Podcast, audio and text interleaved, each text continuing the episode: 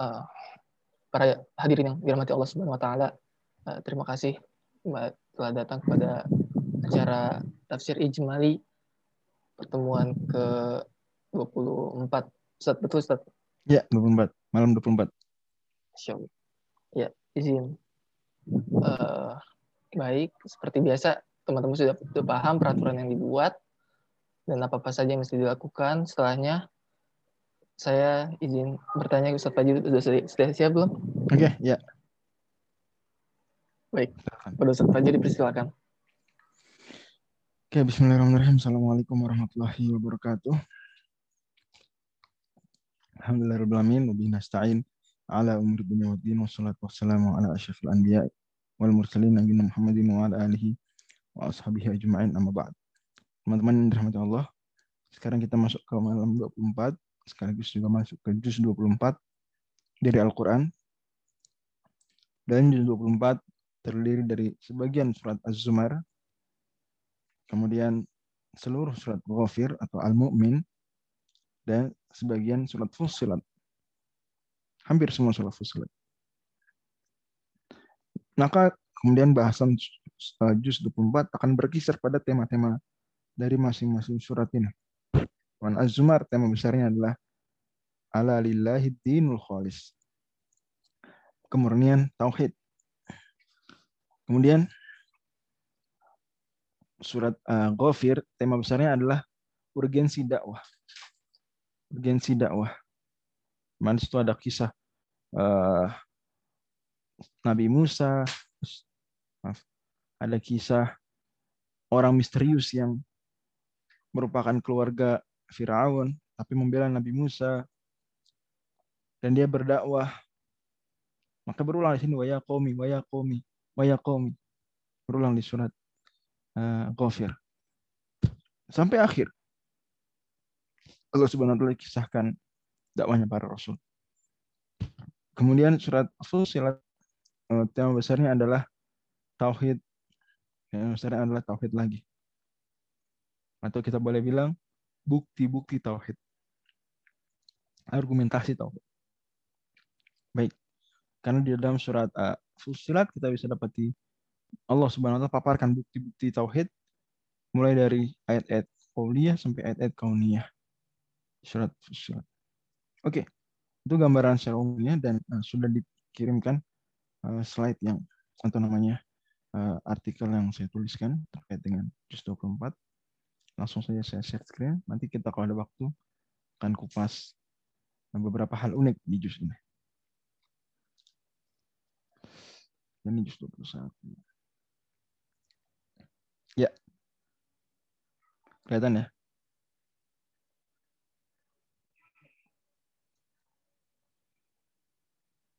Baik. Firaun berkata kepada pembesar-pembesar, Waqala Fir'aun dharuni aqtul Musa wal yad'u rabbah. Biar aku bunuh Musa dan silakan dia doa minta sama Tuhan. Tuhannya dia. Kata Firaun, ini akhafu an yubaddila dinakum. Aku khawatir dia akan menukar agama kalian. Aw ayyudhira fil ardil fasad atau menimbulkan kerusakan yang bumi. Dan selalu seperti itu para pemimpin-pemimpin yang jahat yang tidak beriman pada Allah selalu akan menyudutkan pendakwah. Ingat surat wafil tema besarnya urgensi dakwah. Akan menyudutkan pendakwah dan menuduhnya untuk dua hal. Mengubah ideologi dan membuat kerusakan. Kalau dia nggak membuat kerusakan, maka dituduh ingin mengubah, ingin mengubah ideologi. Kalau mengubah ideologi jelas tugas para nabi melakukan perubahan, mendakwakan tauhid. Kalau ada hal-hal yang mungkar, maka tentu harus diingatkan dengan cara yang bijak. Adapun membuat kerusakan maka tidak, tapi demikian mereka. Demikian mereka selalu menuduh bahwa para pendakwah ingin membuat kerusakan di muka bumi, ingin mengubah ideologi. Dan dari sini kita tahu bahwa yang paling ditakutkan penguasa mana pun selain kehilangan kekuasaannya adalah berubahnya ideologi rakyat yang tadinya dia perintah, dia sudah atur ideologinya, ideologinya sedemikian rupa agar tunduk padanya, agar tunduk pada nilai-nilai yang dia bawa. Nah, kalau ada yang ingin mengubah nilai tersebut meskipun diubahnya ke arah yang positif sesuai dengan aturan Allah, maka mereka akan langsung bereaksi menuduh yang tidak-tidak. Bahkan ingin membunuh. Daruni akotul Musa. Yang ini siapa yang ngomong? Fir'aun. Fir'aun siapanya Musa? Fir'aun adalah ayah angkatnya Nabi Musa. Daruni akotul Musa. Dulu Nabi Musa, dulu Nabi Musa tumbuh di dalam rumahnya Fir'aun. Dari masih bayi, baru-baru lahir, sampai tumbuh besar. Tapi demikianlah ketika kebencian sudah mendarah daging. Karena Nabi Musa tidak pernah berencana membunuh Firaun. Nabi Musa justru pada akhirnya mendakwahkan Islam. Firaun nggak terima ya nggak apa-apa. Nabi Musa kemudian berdakwah di tengah Bani Israel. Hal yang jelas. Tapi demikianlah. Firaun karena sudah punya mimpi bahwa kerajaan akan sirna di tangan seorang pemuda dari Bani Israel. Karena takut kehilangan kekuasaannya, maka dia pun ingin membunuh anak angkat. Daruni aku turun Musa. Padahal dulu Firaun mau bunuh Musa dilarang istrinya. Di surat Al-Qasas kita sudah ya, sempat singgung bahwa ketika Nabi Musa alaihissalam dimasukkan ke peti kemudian mengalir dihanyutkan oleh sungai Nil maka Asia binti Muzahim istrinya Firaun menemukan. Maka ketika Firaun ingin membunuhnya faltaqatahu alu fir'aun alaikum lahum aduwan hazana inna fir'auna wa hamana wa jumlahuma kan khatiin maka kemudian istrinya membela la taqtuluhu wa asa an jangan dibunuh gitu qurratu aini li walak jangan dibunuh ini kesayanganku sekarang enggak Allah alam saya sendiri belum mengecek bagaimana istrinya Firaun saat itu Oke, okay? pastinya istrinya Firaun beriman. Ya saja eh, bagaimana kondisinya saat Firaun ngomong Zaruni angkutul mus. Istrinya Firaun beriman. Sebagaimana nanti akan kita singgung di uh, juz 28. Juz 28 nanti akan kita singgung. Akhirnya di akhir juz bahwa istri Firaun beriman kepada ajaran Nabi Musa alaihissalam. Pun demikian di juz 24 kita akan sebutkan di surat Ghafir bahwa ada seorang dari keluarga Nabi eh, dari keluarga Firaun juga yang beriman. Dan ada pembantu Firaun beriman. Pada akhirnya di dalam internal kerajaan Firaun ada orang-orang yang kemudian tahu kebenaran dan berani untuk mengikuti kebenaran. Maka berkatalah salah seorang yang beriman di antara keluarga Firaun yang selama ini menyembunyikan imannya. Saya sendiri terus mencari dalam rangka mempelajari ilmu Muhammad, cari siapa yang maksud. Ya banyak nama-nama para ulama sebutkan tapi masih belum meyakinkan menurut Al-Faqih. Ya, masih belum meyakinkan. Sebagian bilang Hizqiyal itu barangkali mendekati Nabi. Nabi Hizqiyal seorang nanti diangkat jadi Nabi. Ya, walaupun pada akhirnya ini uh, kurang meyakinkan, kurang meyakinkan. Baik, intinya Allah Subhanahu wa taala memang menganonimkan nama sosok yang begitu besar perannya ini yang bahkan kata para ulama kemungkinan besar dialah orang yang dahulu mengingatkan Nabi Musa wajah rajulun min aqsal madinati yas'a qala ya Musa innal mala'aya tamiruna bika liyaqtuluka fakhruj inni lakum nasihin di surat Al-Qasas dia orang yang datang ngasih Nabi Musa bahwa dia mau dibunuh sehingga Nabi Musa sempat melarikan diri anda tidak dikasih tahu ya barangkali Nabi Musa keburu ditangkap tapi datang orang lebih dulu ini ada yang mengatakan kemungkinan orang yang sama. Tentu walaupun kita tahu Nabi Musa belum pula uh, belum pula jadi nabi. Belum menjadi nabi. Allah alam. Dan dari situ juga muncul kemungkinan bahwa istri Firaun, Asia, bisa juga sudah meninggal sebelum Nabi Musa diutus. Bisa juga. Terus beriman dengan Nabi siapa? Berarti beriman dengan ajaran Nabi Yusuf. Di surat Ghafir Allah sebutkan bahwa Nabi Yusuf pun berdakwah di tengah lingkungan istana Mesir. Baik ketika Hiksos dan kemudian ajaran beliau juga masih eh, tersebar ke tengah Bani Israel. Bani Israel waktu itu memang mereka mendapatkan sisa-sisa ajaran Nabi Yusuf alaihissalam juga orang-orang Mesir secara umum termasuk bangsa Koptiknya aware terhadap bahwa Nabi Yusuf adalah Nabi. Selanjutnya, maka berkatalah seorang yang beriman di antara keluarga Fir'aun yang selama ini sembunyikan imannya, apakah kalian akan membunuh seorang hanya karena dia mengatakan Tuhanku adalah Allah, Rabbi Allah. Padahal sungguh dia telah datang kepada kalian dengan membawa bukti-bukti nyata dari Tuhan kalian. Namun Fir'aun tak hentikan keponahannya. Ia justru suatu hari berkata, Ya Haman, wahai Haman, ibnili sorhan la'ali ablughul asbab. Buatkan untukku sebuah bangunan yang tinggi agar aku sampai ke pintu-pintu langit. Agar aku dapat melihat Tuhan yang Musa. Aku yakin dia hanyalah seorang pendusta. Jadi asbab samawati fa'ataliya ila ilahi Musa wa inni la'alunahu kadhiba. Itu kata Allah. Sungguh sebelum Nabi Musa diutus, sekitar 200 tahun sebelum, empat generasi sebelumnya, Nabi Yusuf pun telah datang pada penduduk Mesir kuno membawa bukti-bukti yang nyata. Walaqad ja'akum Yusuf min qablu bil bayyinat. Tapi mereka senantiasa meragukan apa yang dibawa Nabi Yusuf.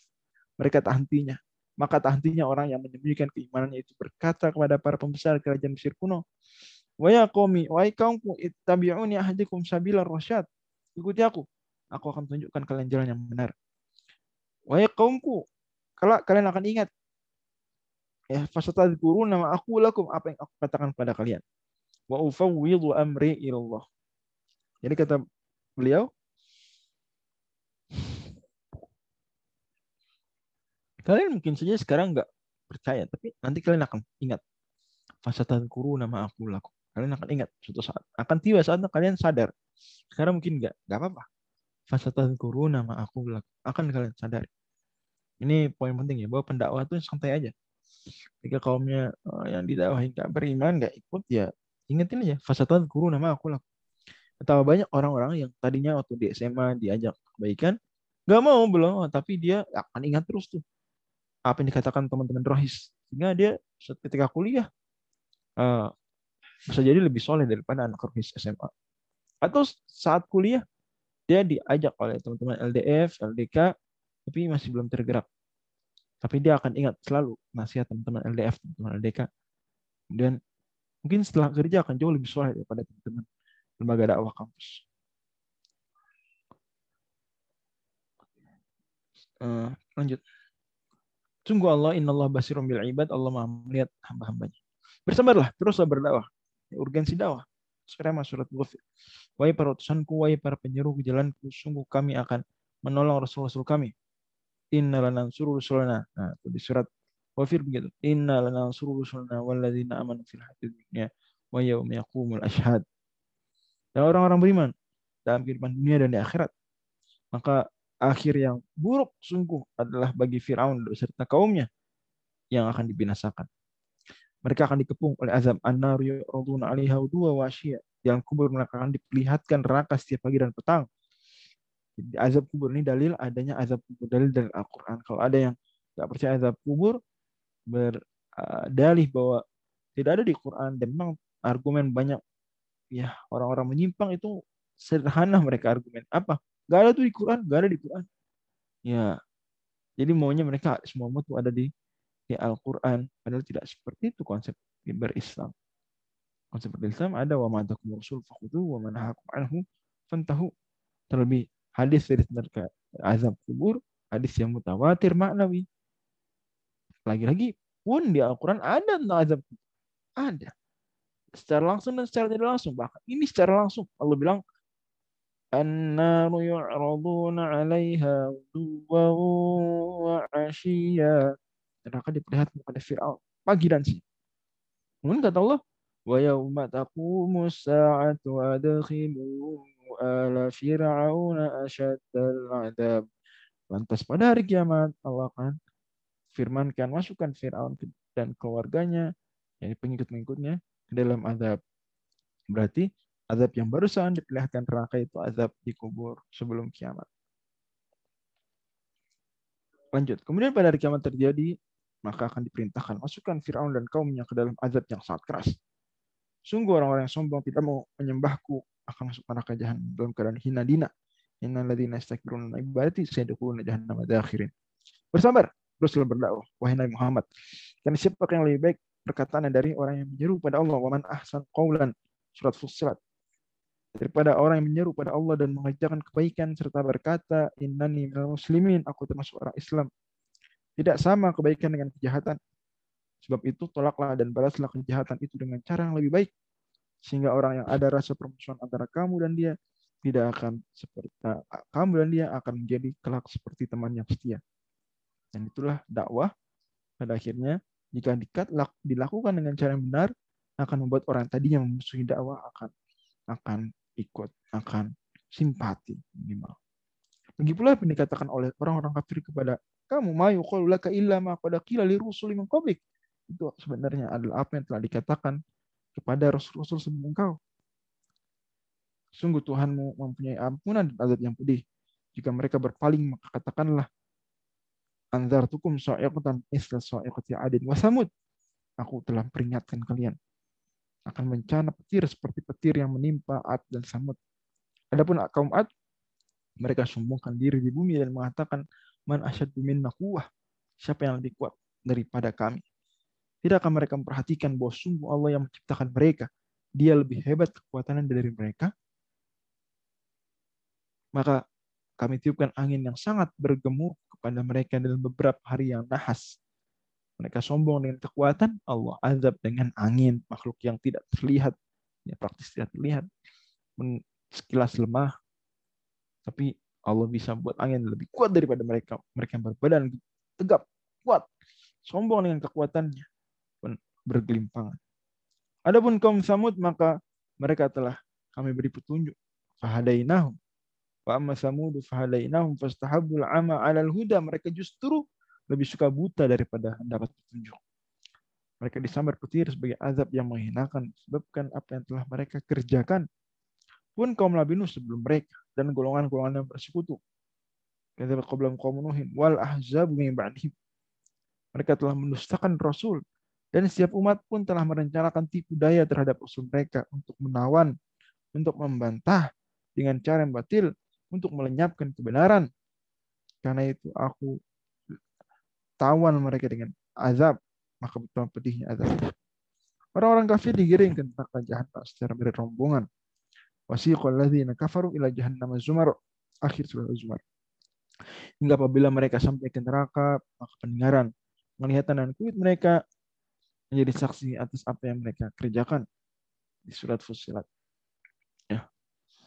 Dan mereka berkata, wa li juludihim lima syahidtum alaina, mengapa kau kalian wahai kulit menjadi saksi atas kami?